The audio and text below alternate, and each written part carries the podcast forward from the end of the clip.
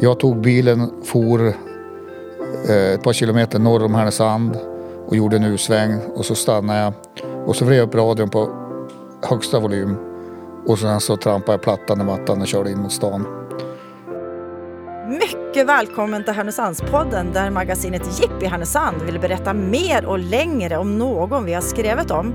En podd där vi kan låta folk prata till punkt, där vi får lära känna Härnösands doldisar och kändisar. I Härnösandspodden får ni läsa det som står mellan raderna i Jippi i en uppriktig och gemytlig och nyfiken form.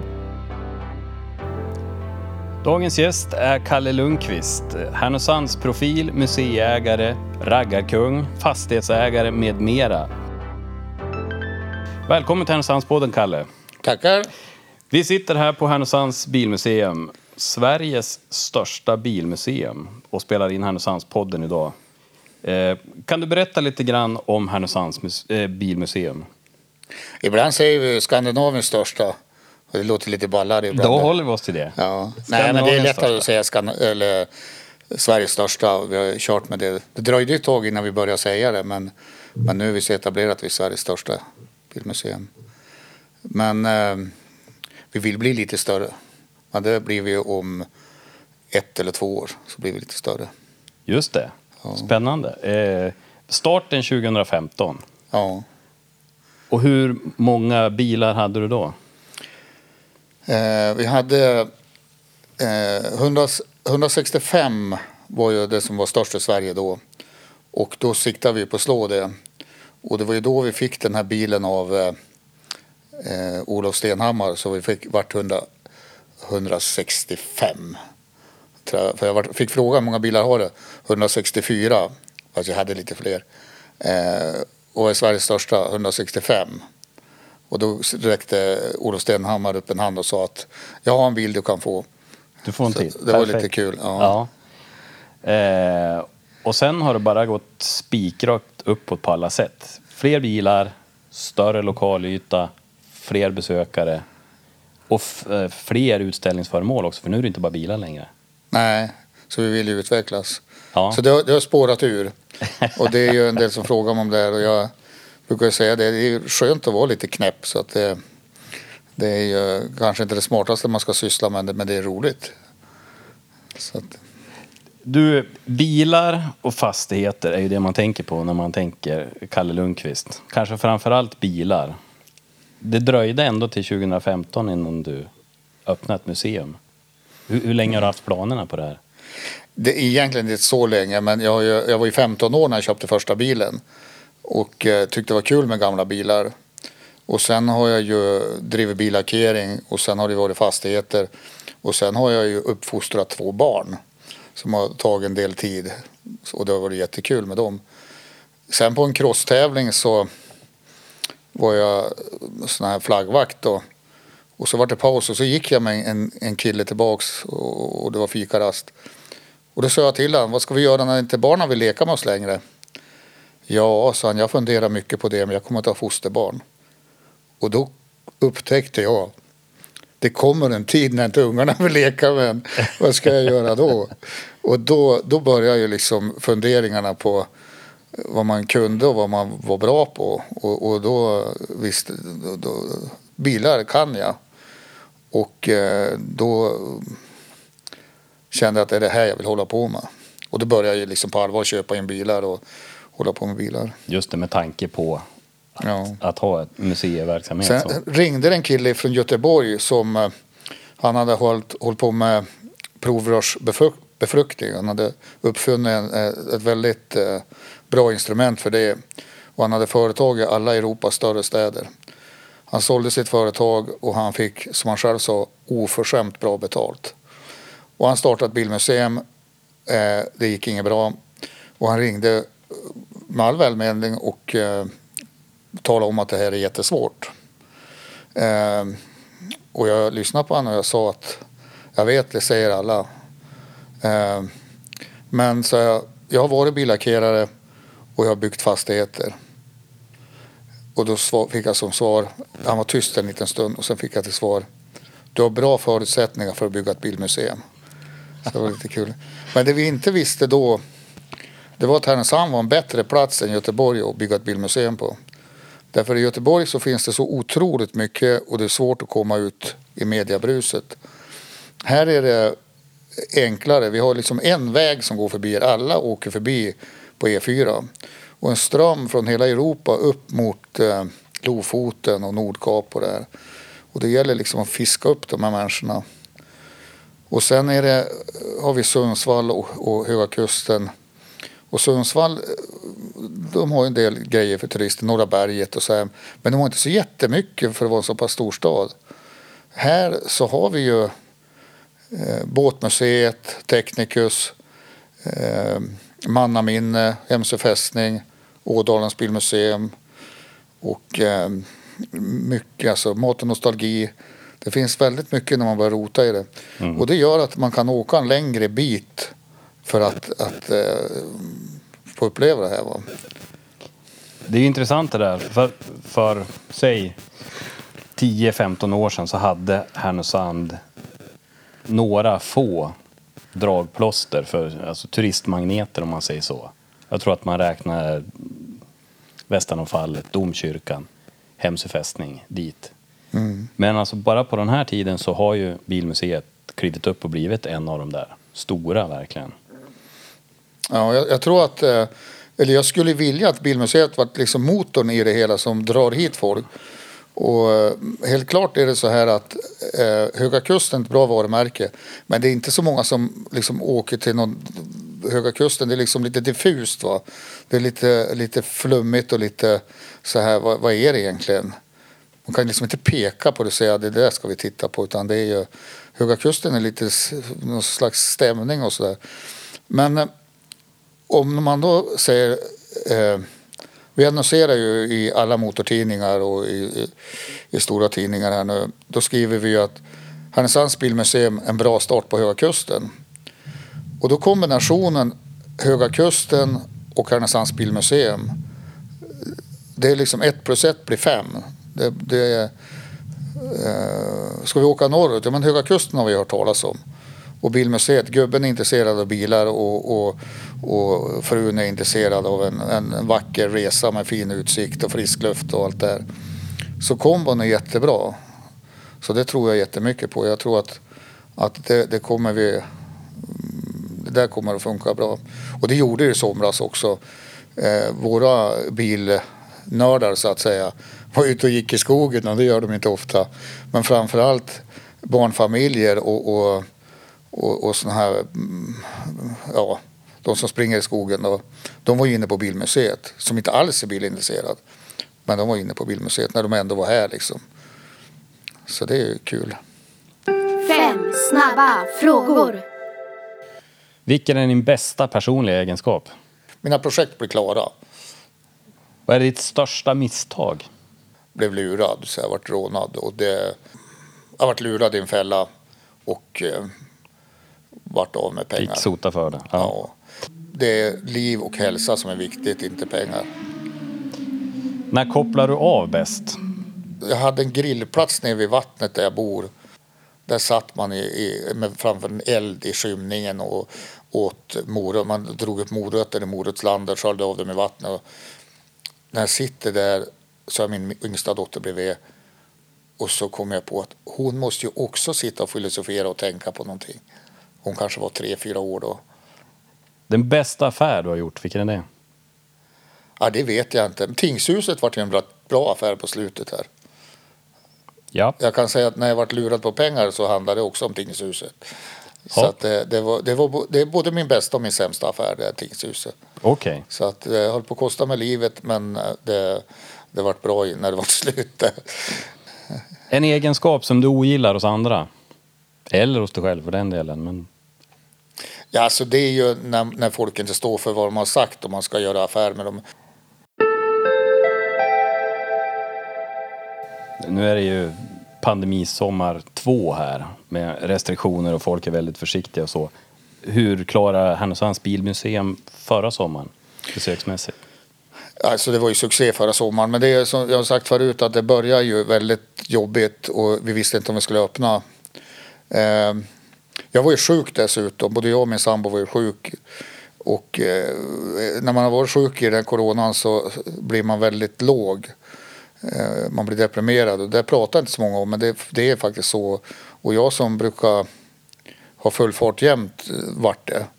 Och, och man kan tänka sig de som blir arbetslös mitt i det här är ju inte alls kul för. Men eh, det var liksom slog i backen där. Och eh, jag tog bilen, for eh, ett par kilometer norr om Härnösand och gjorde en U-sväng och så stannade jag och så vred jag upp radion på högsta volym och sen så trampade jag plattan i mattan och körde in mot stan. Och när jag passerar skylten där det står Härnösands bilmuseum öppnar 13 sjätte. Då förstod jag två saker. Det ena det var att jag skulle öppna bilmuseet. Det andra det var att jag måste köpa en snabbare bil. Men beslutet tog jag då. Och eh, vi öppnade och det kom jättelite folk. Och jag hade sagt att vi, det spelar ingen roll om vi förlorar pengar, vi ska ha öppet. Och vi annonserade, och vi annonserade i, i TV4 och vi annonserade i tidningar. Vi, hade ju liksom, vi visste ju inte om vi skulle kunna öppna. Och sen släppte de på de här två timmars reskraven. Och sen slog vi nya rekord varje dag.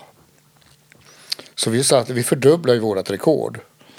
Så helt plötsligt så tjänar vi pengar också. Så att det var ju jättekul sommar.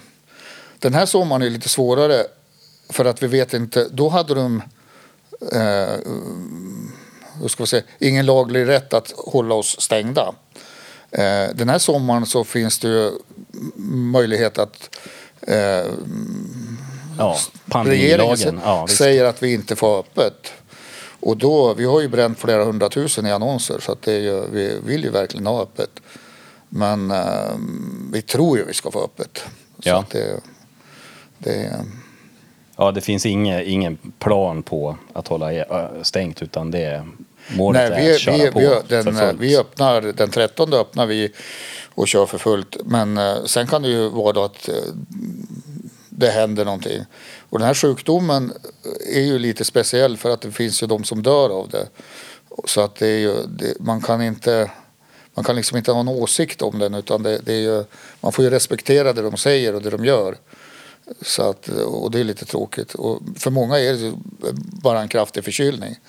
Men uh, vissa stryker med så att det, är, det, det är svårt. Men vi, vi ska öppna och vi ska sätta rekord. Nej, kommer vi upp i samma som i fjol så blir jag jätteglad. Och då blir det Det är, 30, det är 16 000 besökare. 16 000. Ja. Och det är liksom riktiga 16 000. Det är 16 000 betalande. Sen går ju alla yngre in gratis. Alla under 15 går in gratis och det är ju flera. Och sen släpper vi in besättningarna på båtarna och eh, det är lite andra som har, har mm, också fått privilegiet att komma in utan att betala. Men eh, alla, vi har inga rabatter för pensionärer eller för några andra utan vi, vi, under 15 år så är det gratis och eh, mellan 15 Eh, mellan 15 och 18 då är det 50 kronor. Och sen är det 120 kronor då för de som är, eh, är vuxna så att säga. Och eh, pensionärerna som vill ha pensionärsrabatt har jag sagt att eh, eh egentligen skulle ni betala mer för ni minns mer av grejerna. Bilar är och har alltid varit en stor del av ditt liv. Många av bilarna som du idag har på museet och framförallt kanske i USA-bilshallen. Det är bilar som du har levt och skruvat i sedan du var 15. Du köpte första bilen som 15-åring. Ja, jag hade en granne som hade amerikanska bilar och man sprang och tittade där då som liten och tyckte de var frän. Och då, tjejerna hade toperat hår och, och, och spräckta sidrutor och så hade de skivspottar och så körde de Cadillac med Hepstars då, gång efter gång efter gång. Och så här, men det liksom var kul att se dem. Och, och det är klart att det där påverkar ju en. Eh, sen när jag var 15, jag gick ju nian då. Då köpte jag min första raggarbil och, och det var en Chef 59. Den kostade 100 kronor. Och det kostade, vad heter det, 50 kronor att, få hem den. Och det som hade hänt innan det var ju det att jag hade ju kört moped sedan jag var rätt liten. Eh, och polisen hade ju haffat mig. Och min pappa fick ju böter för det, för jag var ju inte 15 så var det han som fick böta. Eh, och då ville jag ju köpa, vart jag ju 15 men jag ville köpa en bil och hålla på med. Men Han tyckte det var lite väl stor bil jag hade köpt men han tyckte nog om den. Och han var ju så pass klok så att han förstod ju att, att eh, jag kommer ju inte bli någon geni i skolan. Knappast någon akademiker men får han liksom hålla på så, så kommer han lära sig någonting. Eh, så jag fick ju hålla på med den här bilen. Och sen kom jag ihåg att vi skulle ut och övningsköra och jag hade ju inte alls åldern inne. Dessutom satte han sig i baksätet när vi skulle övningsköra så det var rätt kul. Men eh, Men du fick godkännande på att köpa bilen som 15-åring? Ja, ja, ja det, det, var, inget- det var inga större problem utan det var, jag höll ju på där. Ehm, men det tog ju lite tag och eh, få i ordning den och vi, vi eh, skulle besikta när jag var inne och besikta och fick inte igenom och då körde pappa ner den. Men sen gjorde jag i ordning den och skulle vi besikta om den och då hade jag ingen som kunde köra ner den och eh, eh, då ringde min kompis Svenna. Så kan du hänga med? Eh, vi ska få besikta bilen. Ja, jag kommer. Han är då yngre än mig. Så att, eh, och han bor också på Bornsjö. Och då, på den här tiden bodde alla besiktningsmän på Bornsjö. Och vi körde in på besiktningen. Exakt alla kom och tittade på bilen. Exakt alla visste ju att ingen av oss var 15 år. De kände Eller våra 18. föräldrar. Ja, ja. Så vi kom in och besiktade bilen. Men bilen fick ju igenom besiktningen. Ja, tack så Ja. mycket sa vi och körde hem. Nu är det ju inte så långt ner till besiktningen från där vi bodde. Men det var rätt kul. Ja, ja. Det var en kompromiss med lagen där. Ja, det var, det var ju lite så. Ja, jag, hade ju, så jag körde inte den speciellt mycket. Utan jag hade ju kompisar som körde då. Och vi hade ju jättekul i den. Men jag tror just den här 59 den gjorde ju att många på Bornsjö sen som var i min ålder och yngre skaffade ju den här typen av bilar. Och jag tror faktiskt att det är en av anledningarna att det finns väldigt mycket amerikanare i Härnösand. Därför då, de körde ju bilar då. Alltså hela Bornsjö. Alltså vi från Bornsjö, vi var ju lite bortskämda. Vi bodde ju i villa och hade garage. Och då kanske de inte hade de som bodde i en lägenhet och så. Så vi hade det ju rätt bra förspänt. Men det påverkar ju även de som bodde inne i stan och köpa bilar eh, i samma ålder. Du satte trenden där. Ja, lite grann eh, tror jag att i och med att jag var lika gammal som dem men, hade en bil och hade rätt kul då. Så Vet- tror jag det. Du köpte en 59 när du var 15 år. Vilket Ja. år var det här? 72. Det som är lite kul med den där bilen och det är att alla sa ju att de ägde den. Och till slut så sa jag, det här är ju alltså i nutid då. Eh, så sa jag, nej men de har inte ägt det är jag som har ägt bilen. Eh, men de som körde sa ju, det var lite äldre killar, de sa ju att det var deras bil. Eh, och då var det, no, idag är det så lätt att kolla upp. Och de här yngre då som eh, är då 5-10 år yngre än mig, de, de har ju hört alla skrönor om den där bilen och folk har berättat om den. Så de kollade upp alla ägare, från första ägaren i Sverige till, till sista ägaren. Och när de fick tag i sista ägaren, då for de och hälsade på han. Och sen for de, så ringde de upp mig och så sa de, nu ska du få prata med han som äger din bil. Så det var ju lite kul. Så de la ner så mycket jobb på den där bilen. Och bilen rullar fortfarande? Ja, den rullar fortfarande. Var finns den någonstans? Eh, jag vet faktiskt inte. Den är i södra Sverige. Det är en rätt ung kille som om han. Ja, okej. Så det är jättekul. Den måste ha gjort sina mil nu då? Den har gjort många mil runt. Den har gått som ungdomsgård hela, större delen av sitt liv. Ja. Så, eh, Du, eh, raggartiden har ju liksom ett eh, skimmer kring sig sådär. Det var också på den här tiden, det var tidningsrubriker, det var raggare mot mods och det var fylla och slagsmål och allting. Var folk rädda för er? Ja. När ni var här, härligt att du är dåligt påläst. Modstiden den var ju lite tidigare. Men vi kommer få ett tema här på Bilmuseet som handlar om mods. Ja. Så det får du läsa Bra. på. Bra. Det, 64 har vi kommit fram till att modstiden ungefär började. Eh, men det som var då, raggartiden var ju liksom då också kan man säga. Men eh, jag, alltså 72 Den missar du. köpte jag bilen va? Och, och 73 så började jag åka omkring i den. Eh, 74. Men däremot så var ju eh, Spinning Wheels från Sundsvall uppe och slogs här. Men då hade inte jag bilen, då var jag 15 men jag var nere och såg det. Eh, men då 73, 74 eh, och 75 75 fick jag körkort. Men det var ju slagsmål mellan Kramfors och Härnösand. Varje helg eh, så stod det i tidningen. Men då kom ju tidningen ut eh, tidigt. Va? Så hade vi varit i Kramfors och for omkring så kunde vi liksom få tidningen, få förbi och hämta tidningen så stod det vad vi hade sysslat med ett par timmar tidigare. Men det, stod, ju- det, var, det var ju inte sant det som stod i tidningen. Men det var ju mycket tokerier. Sen hamnade jag i lumpen eh, 77. Det är vår tid nu, 1977 sjöng Magnus Uggla. Och så var man ju lite tuff och hård och så här. Och då satt en kille, vi skulle äta eh, eh, mat där. Och det var ju oskalade potatisar och sådär. Så tittade han på mig, satt mitt emot mig och så sa han. Eh, du kommer från Härnösand va? Ja, så Du kommer från Kramfors va? Och så hade jag en stilett. Och då tog jag fram stiletten och så skalade jag potatisen med den. Bara för att visa han att jag är hårdare än dig. I alla fall så han och jag vi vart jättekompisar. Så jag var med och jag åkte med de här Kramforsborna och eh, eh, lärde känna dem och det var skitkul. Och där någonstans i den tiden, det var inte bara för jag lärde känna han utan det var det, det handlade om, det var att vi som kom där efter 73, oljekrisen var ju 73, vi ställde i ordning bilarna och skrotade ju alla amerikanska bilar. Eh, vissa påstår att det fanns bara 3000 amerikanska bilar i Sverige efter 73. Eh, registrerade- eh, alltså körbara. Om det stämmer det vet jag inte. Men däremot så var det ju jättesällsynt med amerikanska bilar. Men jag hade ju det både i lumpen och, och, och tidigare och senare så att säga. Och det hade ju den här killen också och i Kramfors. Men det gjorde ju att i och med att vi måste ju göra ordning våra bilar och, och, och vara rädda om dem.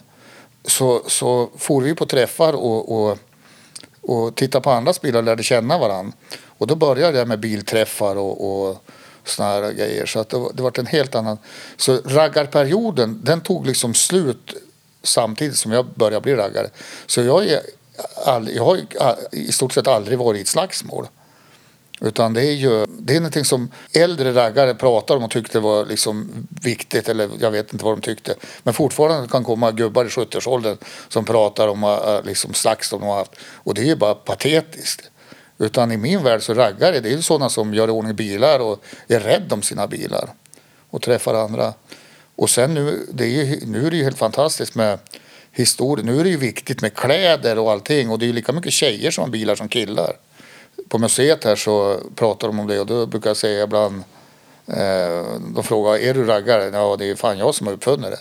Men det är ju, det är ju jag har ju varit med i de här stora träffarna Power Meet och då när vi annonserade, de annonserade Västerås va? då annonserade Power Meet hemlig ort. För det var ju ingen, gick inte att vara i samma stad två gånger. Eh, och det gick inte att säga staden i förväg. Därför då skulle det liksom eh, bli massa problem med den staden. Så att alla bokade in ett visst datum och sen for alla dit. Och en gång så for vi till Stockholm då och det var ju kul för vi var stoppade av polisen. Och eh, jag hade ingen nummerplåt fram, jag hade aldrig nummerplåt fram. Två motorcykelpoliser. Men vi vart lite kompis med dem och pratade med dem. Och då sa vi åt dem att imorgon får ni vara beredda, det kommer mycket folk. Ja men det här är Stockholm, det är alltid mycket här. Ja men det kommer mycket raggare imorgon. Ja men det är alltid i Stockholm det här. Ja men liksom nu kommer man från hela landet. Men de ville liksom inte förstå att Sverige är större än Stockholm. Dagen efter så såg vi, kom ner bakom ryggen på dem och så hejade vi. Vi hade nedkabbat och så gapade jag och skrek och så skrek jag. Det är det här vi menar med mycket folk. Hela Stockholm var kaos. All, all eh, vad heter det, kollektivtrafik och allting fick de lägga ner den natten. Det var jättekul. Då var det power meet. Det var power. Fast det var inte power meet utan det var en annan. Men det var alltså flera sådana här. Då. Det Ja. var inte power meet som var skyldig då. Så jag ska inte ge Kjelle Power skulden för den. Men det var kul. Men sen ledde de ut alla bilarna på, på eh, de här Essingeleden och Norra utfarten och det här. Så att sen tog det slut. Ja, då var det kaos i Stockholm. Och ibland så har det även varit kaos i Härnösand i trafiken här. Och man har velat stänga av Nybrogatan. Vad är din Ja. erfarenhet av det? Ja. Alltså då 88, 89, 86 så stängde de av Nyborggatan på prov. Och så höll de på och tjafsade där och 89 så skulle de stänga av den permanent då, efter klockan 11.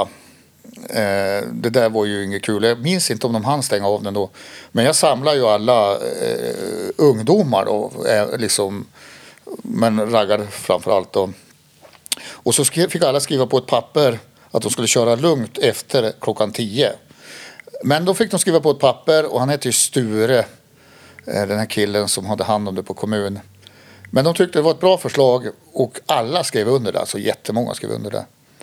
Och polisen då, enligt polisen, det var ingen som trodde det skulle funka. Så det funkar i två år. Så fullt ös fram till tio och så till klockan tio, alla sänkte stereot. Så det var lite kul. Och eh, det funkar. Det var ju någon som misskötte sig och sådär och någon som inte tyckte om mig som tyckte att de skulle föra oväsen där. Men generellt sett så, så eh, funkar det ganska bra. Och då ska vi veta att då var det mycket folk i stan. Det var ju eh, lärarhögskolan och militärer och, och sjöbefälsskolan och det var en helt annat eh, drag där.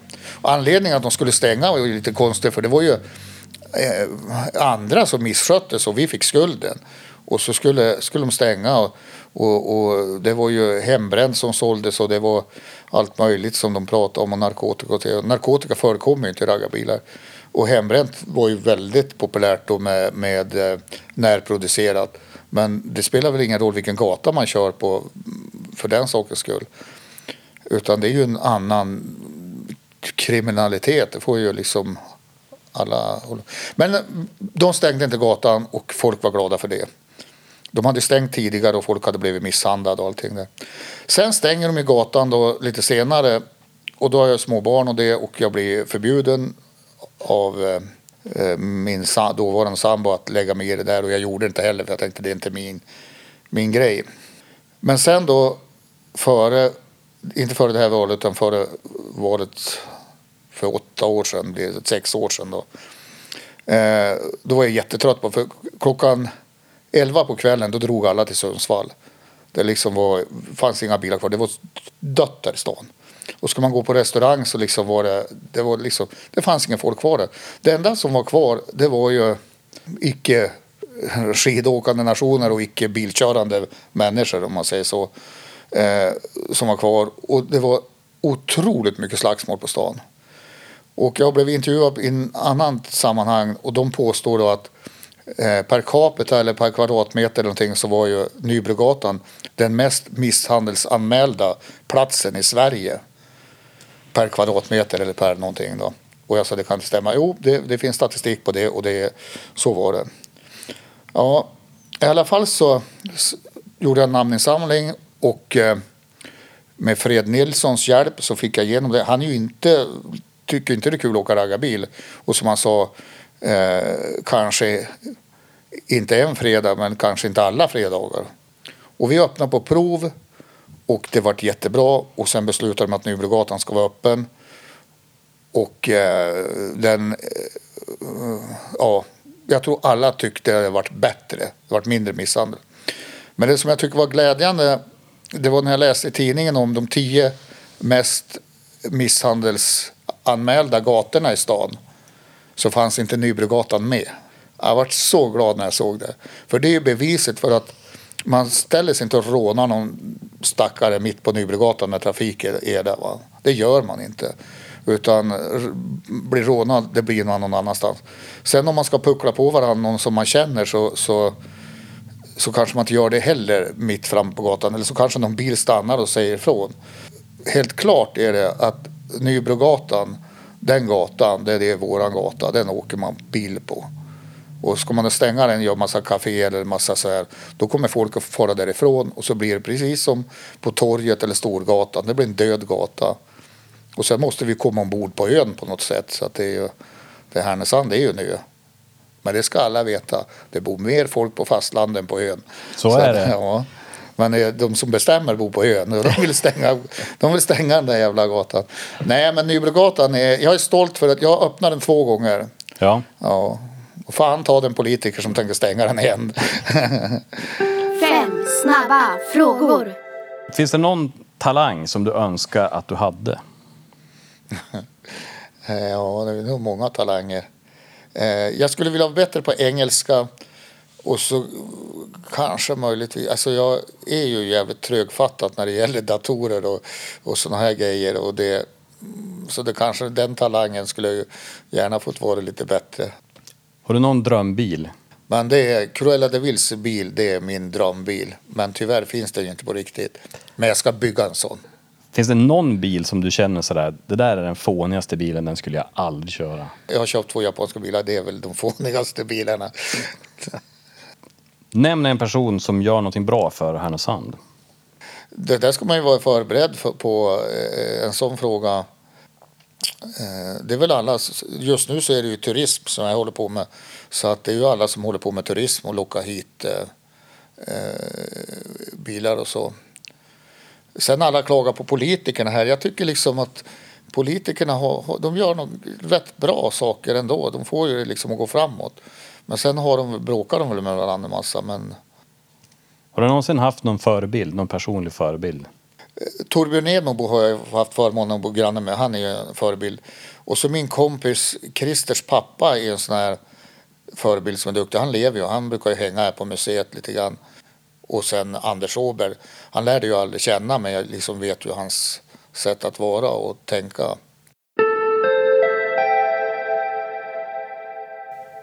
Härnösand, Kalle. Det är hemstad, uppväxtstad. V- vad betyder Härnösand för dig? Ja, men jag älskar ju Härnösand och det är därför Härnösand, det heter Härnösands bilmuseum. Jag var lite, så här att jag tyckte att folk skulle döpa grejen till Härnösand. Det skulle inte heta Brännans alpin och, och, och sådana konstiga saker. Och sen slutade de med Brännans alpin och ungarna slutade. Då döpte de om det till, till Härnösands alpina. Men det var inte för jag tyckte det utan det var av andra. Men jag var jätteglad när de gjorde det. Ja, Och det ska heta Härnösand. eh, Det ska vara sätta Härnösand på kartan. Och det finns så mycket för Härnö Gin. Fan vilket bra namn. Sen brukar jag göra reklam för eh, Limboa och lite andra affärer när de kommer med båtarna här och så. du är ambassadör verkligen. Ja, jag, jag, jag, jag vill att folk som har varit här ska ha någon berätta när de får härifrån. Så att det, det, det är jätteviktigt. Vi har ju ett problem i Härnösand och det är ju att befolkningen är ju eh, rätt gammal. Och då, de här äldre människorna klagar ju på ungdomarna och så men eh, problemet är inte att vi får för mycket gamla människor utan problemet är att vi får för lite ungdomar. Så att vi får nog vara rädda om de här stackarna så de tycker det är kul att vara kvar här i Härnösand. Skattebetalare och blivande skattebetalare. Eh, ja, skattebetalare är bra. Men det är ju bra om de får barn så att det blir eh, någon som kan bo i lägenheterna och jobba och ta hand om oss när vi blir gamla. Och för, för ett par år sedan då var det så här att 25 procent av Härnösands befolkning var över 65 år. Och det är långt över snittet. Men största problemet är att det är väldigt många mellan 50 och 65 också. Det vet jag inte hur många procent det är. Men sen har vi mycket barnfamiljer, mycket småbarn. Men det är mycket invandrare och rent historiskt sett så är det många av dem som flyttar. Och sen har vi våra ungdomar. Och tyvärr är det som så att många av dem flyttar. Och då bränner man ljuset i båda ändarna. För vi som är lite äldre, vi ska ju lägga oss och självdö. Och de som är yngre sticker. Och då blir det du kvar. så, nej men det är, ju, det, det är lite tråkigt och det där är nog svårt att vända. Mycket får man nog lära sig leva med. Men man kanske ska tänka på det att vi, vi, vi måste tillsammans hjälpas åt att få folk att trivas och bo kvar här och, och, och sätta Härnösand på kartan. Jag tror det är jätteviktigt. Vad tycker vi ska göra konkret? Jag tycker att vi ska vara lite gladare och positiva när vi pratar om Härnösand. Nej, sätta Härnösand på kartan och, dra fram de här eh, grejerna som är viktiga. Och på museet här så verkligen så gör vi det. När vi gör sista utbyggnad så kommer vi göra en liten bit eh, som ska vara ett Härnösandsmuseum. Där det ska handla om de positiva grejerna som vi gör. Men det gör vi redan nu så har vi ju vi har Sven, Sven Hamrin sitter vi ju bredvid hans gamla cykel. Och, och, men nu jobbar jag ju med turismen och jag tror ju att turismen kan göra det att det flyttar hit folk. Men en annan sak som är viktig det är att liksom inte folk flyttar ifrån, att vi får dem att stanna kvar. Och det är ju faktiskt så att det är viktigt att vi får de här invandrarna eller nysvenskarna, de får jobb och, och, och stanna kvar.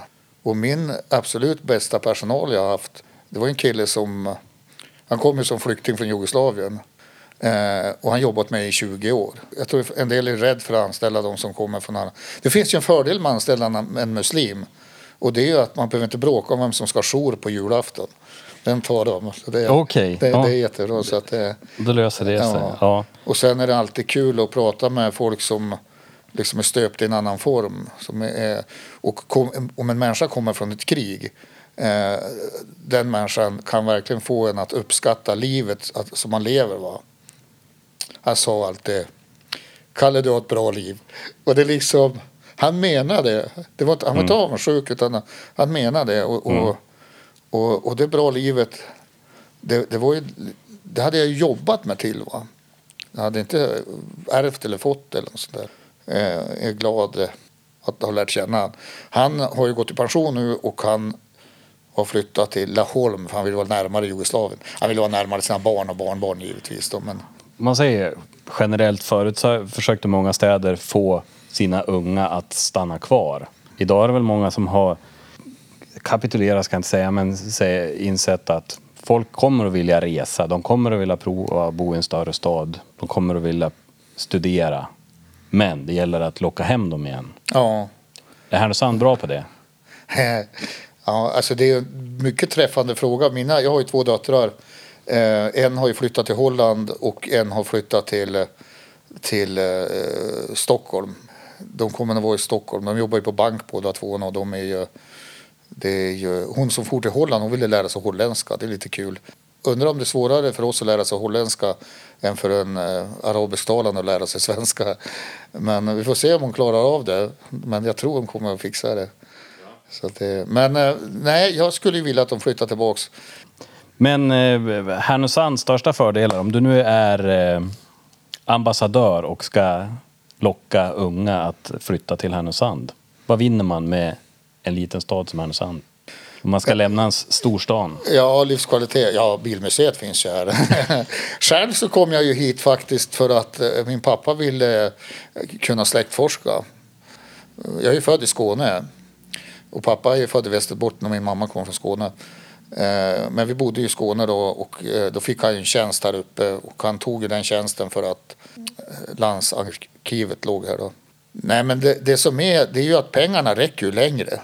Du kan ju köpa en, en, ett hus för lite och ingenting och det är ju, du får ju mycket mera fritid. Du behöver inte sitta, om vi tar de här stackarna i Stockholm nu då, eh, som ska sitta i, i, i jättelånga bilköer. Och jag fascineras varje gång att liksom, hur pallar de? Jag kommer ihåg, det var, jag tittar ju aldrig på fotboll till tv, men jag var i Stockholm då och, och mina barn har ju en lägenhet där nere. Och då skulle vi se, vi skulle gå ut och titta på fotboll. Men då måste jag hem, jag hade varit, varit och, och, snurrat omkring där. Och då tänkte jag, jag, det kommer att bli bilkö, jag måste fara hem i tid.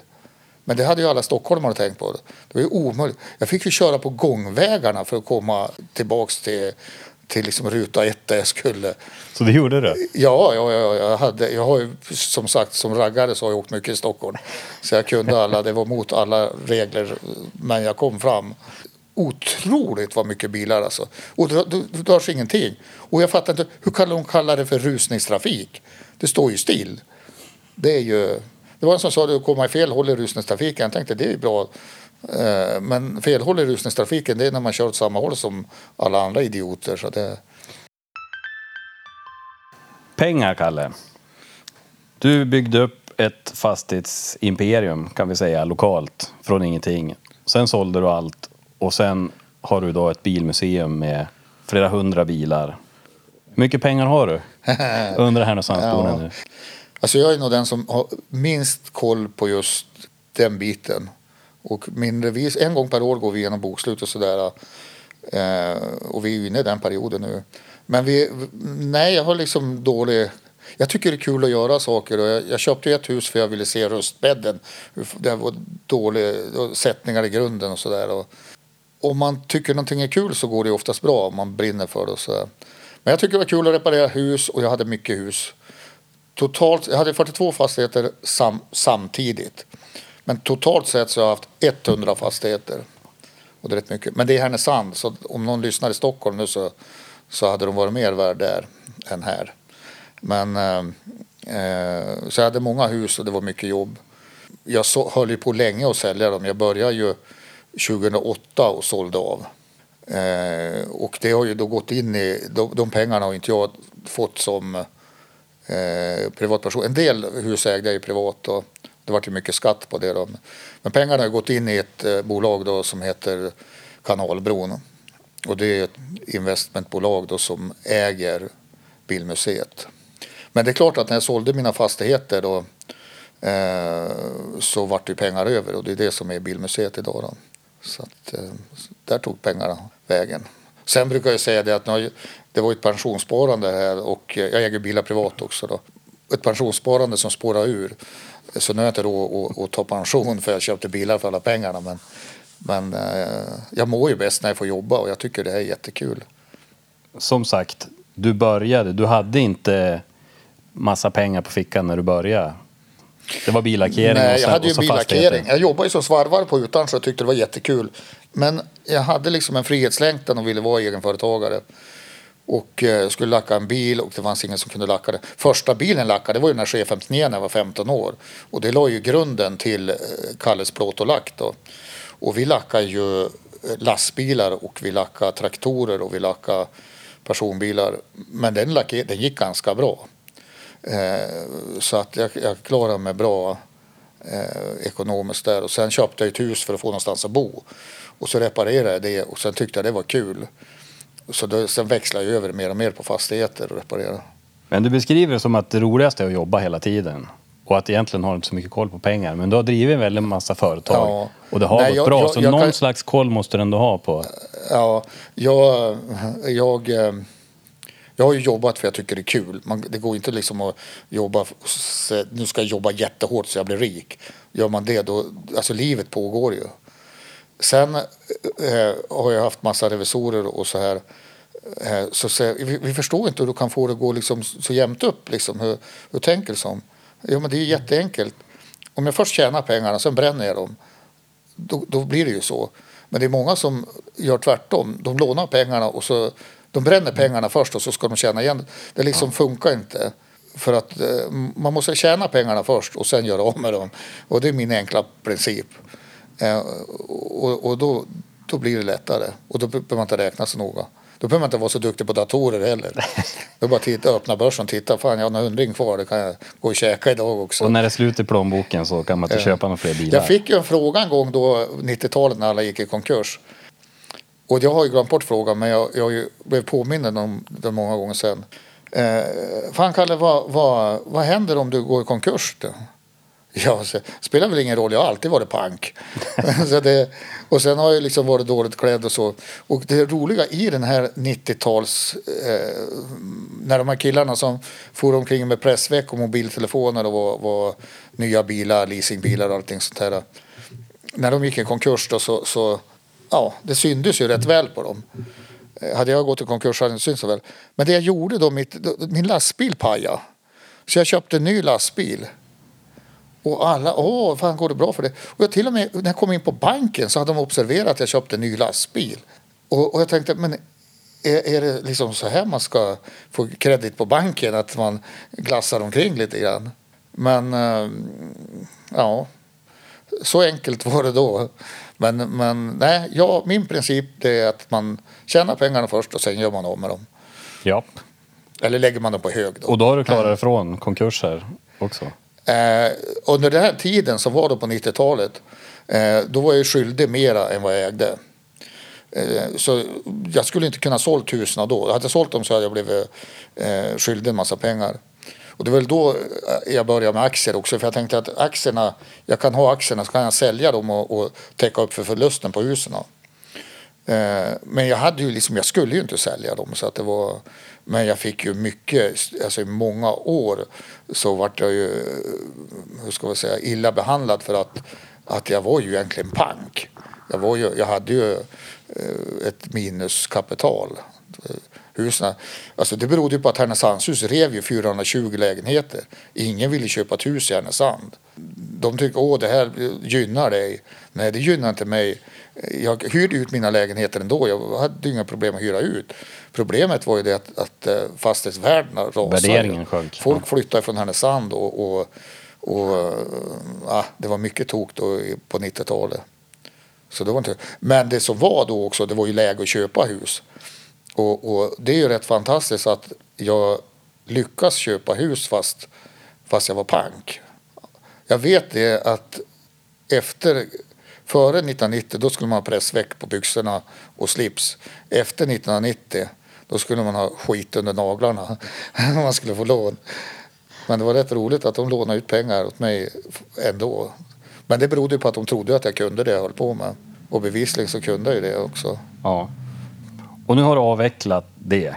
Kan du sakna fastigheterna? Nej, eh, det gör jag inte. Jag var orolig för... det- Alltså det är jättesvårt när man säljer ett bolag så där som man har levt med. Det, det, rent fysiskt så, så...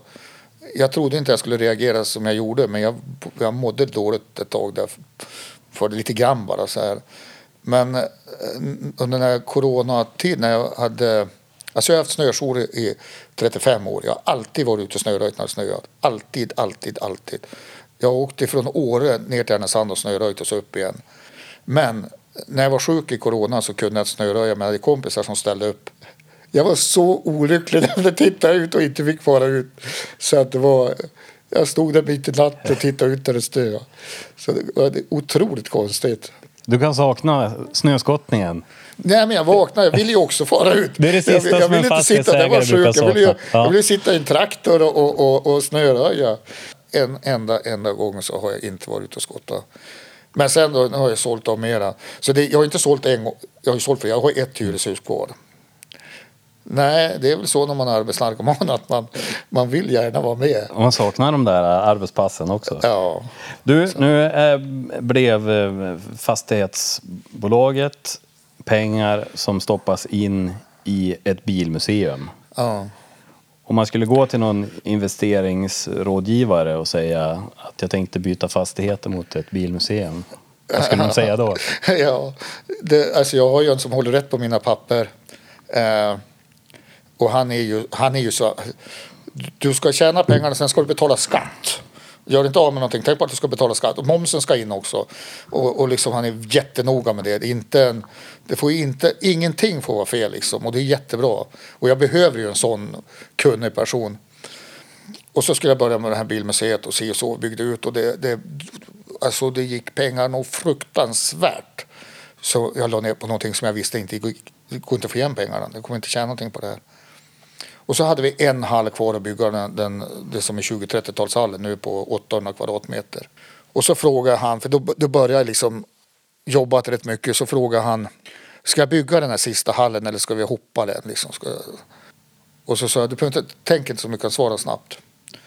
Och han satt och tänkte och tänkte och tittade. Och nej, han grunnar för mycket när han kommer att säga nej. Och så svarade han så här. Om du inte bygger den här hallen nu, då kommer du ångra det resten av livet. Det liksom, jag kände det, fan vad skönt. Och han hade ju så rätt.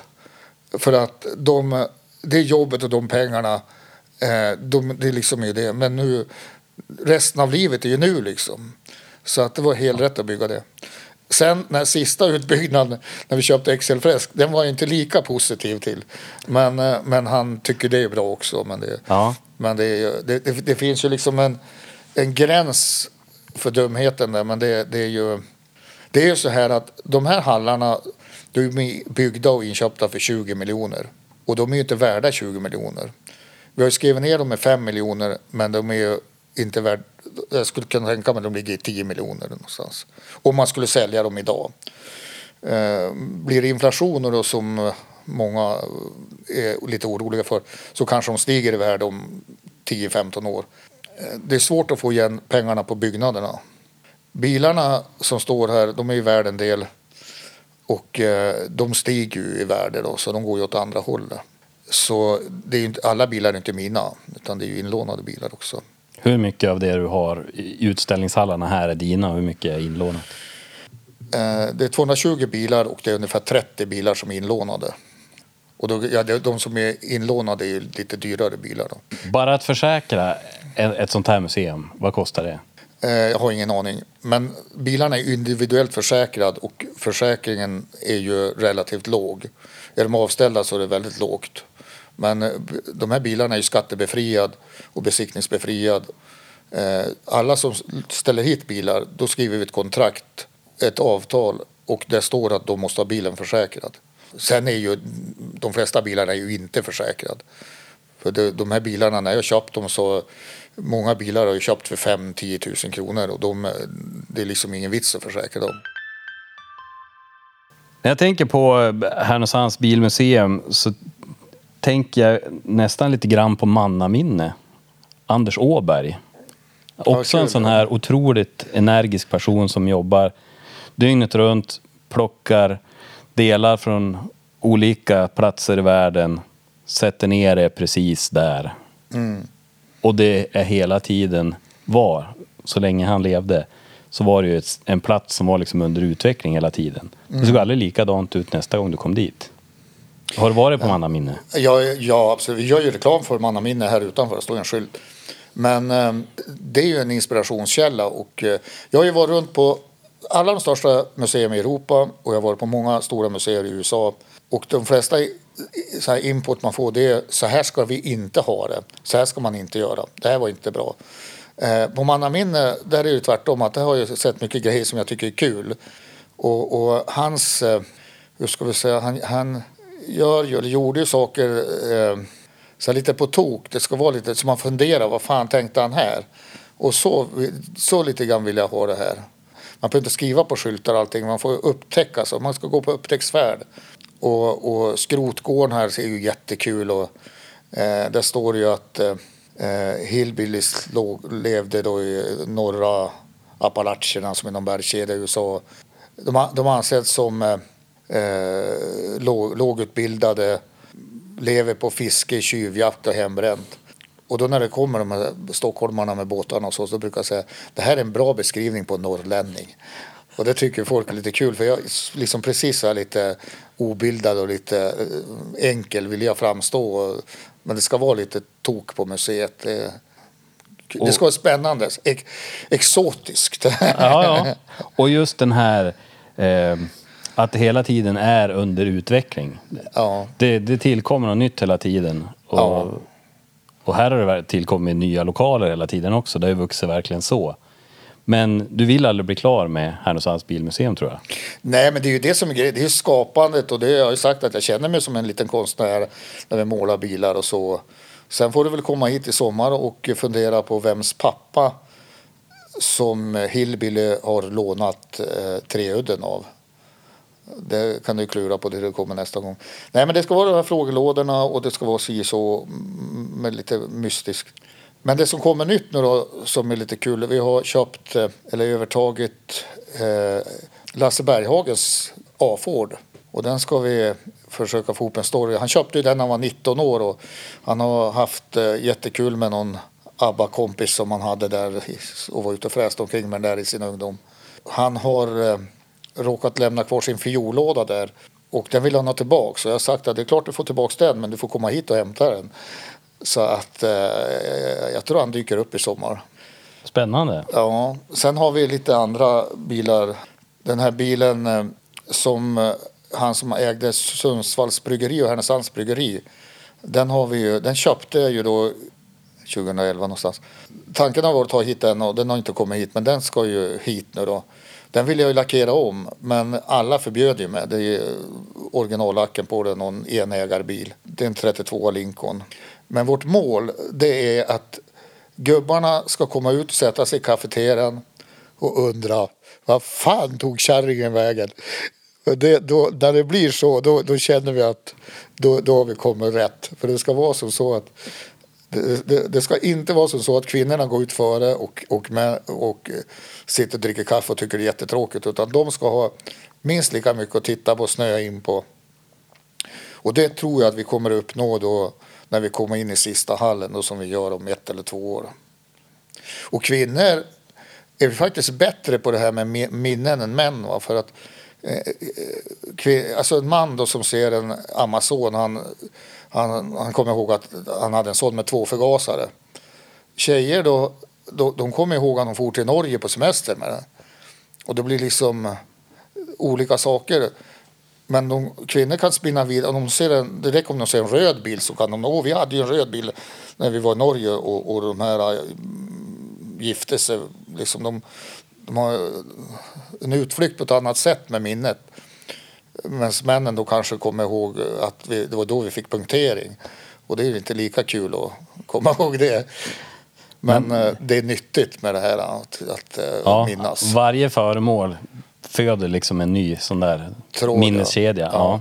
Och är man då dement då är det ju jättekul. Då anhöriga blir förvånade över just eh, när de går igång på det här sättet och, och minns. Och, och, och en del vill liksom bromsa dem och jag säger låt dem prata så, så Eh, och de pratar på adresser, namn, bilmodeller. Det går på rinnande vatten. Och sen dagen efter kommer de inte ihåg att de har varit här. Så att det, men, eh, och det vi annonserade en gång så, så eh, liksom ta med pappa, låt han minnas för en dag. Och det är ju liksom skithäftigt. Och vi har ju faktiskt ett vårdhem som, som har åkt väldigt lång väg för att komma hit för att deras, det var ett privat vårdhem i Stockholm, de åkte hit för att, att eh, de visste att det här är nyttigt. Och sen har vi andra som alltså, mer eller mindre kraftigt handikappade som har varit här som har åkt väldigt långt. Så att det här, och det är väl den biten jag vill utveckla också eh, lite grann och skulle egentligen haft lite hjälp med att utveckla. Eh, för det är det här skulle ju egentligen forskare hålla på med som eh, vad händer i huvudet på folk när de ser de här grejerna? Det, det, alla som går ut är glad. Och, det, ja, och, och, och vi vet ju det, för vi vet ju att det, eh, det utsöndrar någonting då, som gör att man blir glad när man minns. Åh, oh, nu minns jag det. Då blir man glad. Du, avslutningsvis. Parallellen till mannaminne.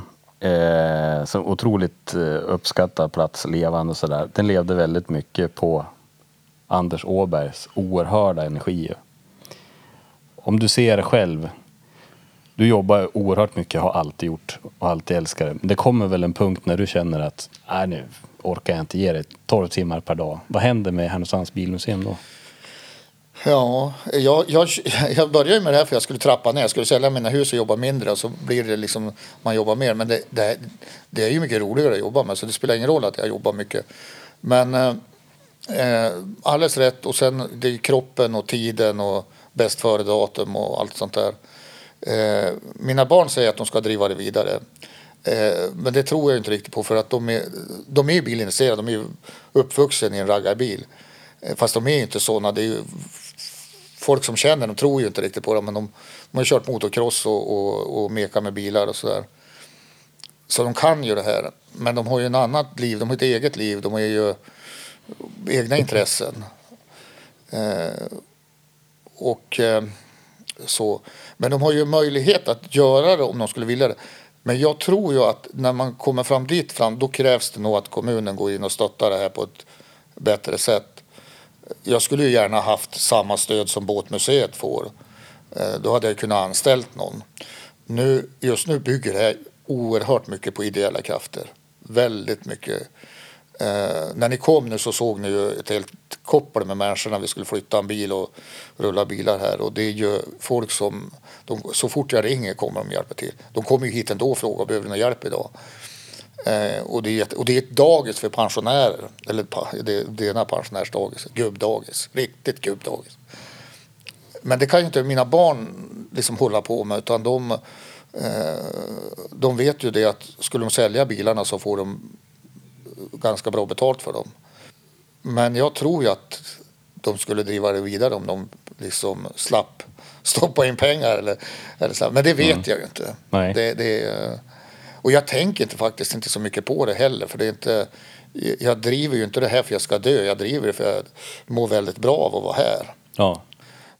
Um, och bästa det är ju när jag sitter utanför solen liksom och, och äter en glass och, och hälsar folk välkommen. Och och det är enkla, det är så enkelt, det är så basic, men det är så kul. Och sen är det här med arvet. Min pappa var ju släktforskare och skrev ju böcker. Eh, han ville berätta en historia. Jag är ju dyslektiker, jag kan inte skriva böcker. Men det här är ju mitt sätt att berätta en historia. Du kommer aldrig att sluta med det här, det hör jag ju. Men Nej, nu... det här, alltså mycket som jag har hållit på med så har jag vetat att det finns en början och ett slut. Och det här finns det ett slut på också, men det är ju den dag jag dör. Så är det ju. Och det vet vi inte om den är imorgon eller senare men förhoppningsvis så statistiskt sett så borde jag ha ett tag kvar. Alltså min dröm det är ju faktiskt jag hade ju äran att lära känna Helge Karinen på hans bilmuseum. Det är en fantastiskt förmögen och, och, och duktig person. Men eh, han gick ju omkring med rollator på bilmuseet. Sen satt han i rullstol på bilmuseet. Eh, och han var ju handikappad och när jag lärde känna honom. Men min dröm det är ju att få toffla omkring med en rollator här och eh, liksom nicka på det. Det, det, det är liksom... Nej. Ja. Så det skulle jag vilja göra. Eller så en eldriven rullstol med V8. Nej, det går ju inte. Nej, ingen eldriven, jag har V8. Nej, men en, en, en, en, en trimmad rullstol. Vad det blir så är framtiden här på museet, det hör vi ju. Men du, Kalle, tusen tack för idag. För att du Ja. tog dig tid. Jätteroligt att komma hit och hälsa på dig. Ja, jag tycker det är kul att prata om bilarna på museet. Tack så mycket. Fint, tack. Du har nu lyssnat på Härnösandspodden. Intervjun gjordes av Jakob Tjärnström. Ljudtekniker och producent var Martin Sundqvist på Alltid Marknadsbyrå. Musik av Joel Nyberg på Lejonbröder ljudbyrå. Fler avsnitt hittar du på harnosandspodden.se. Vem vill du lyssna på? Tipsa oss på info@harnosandspodden.se.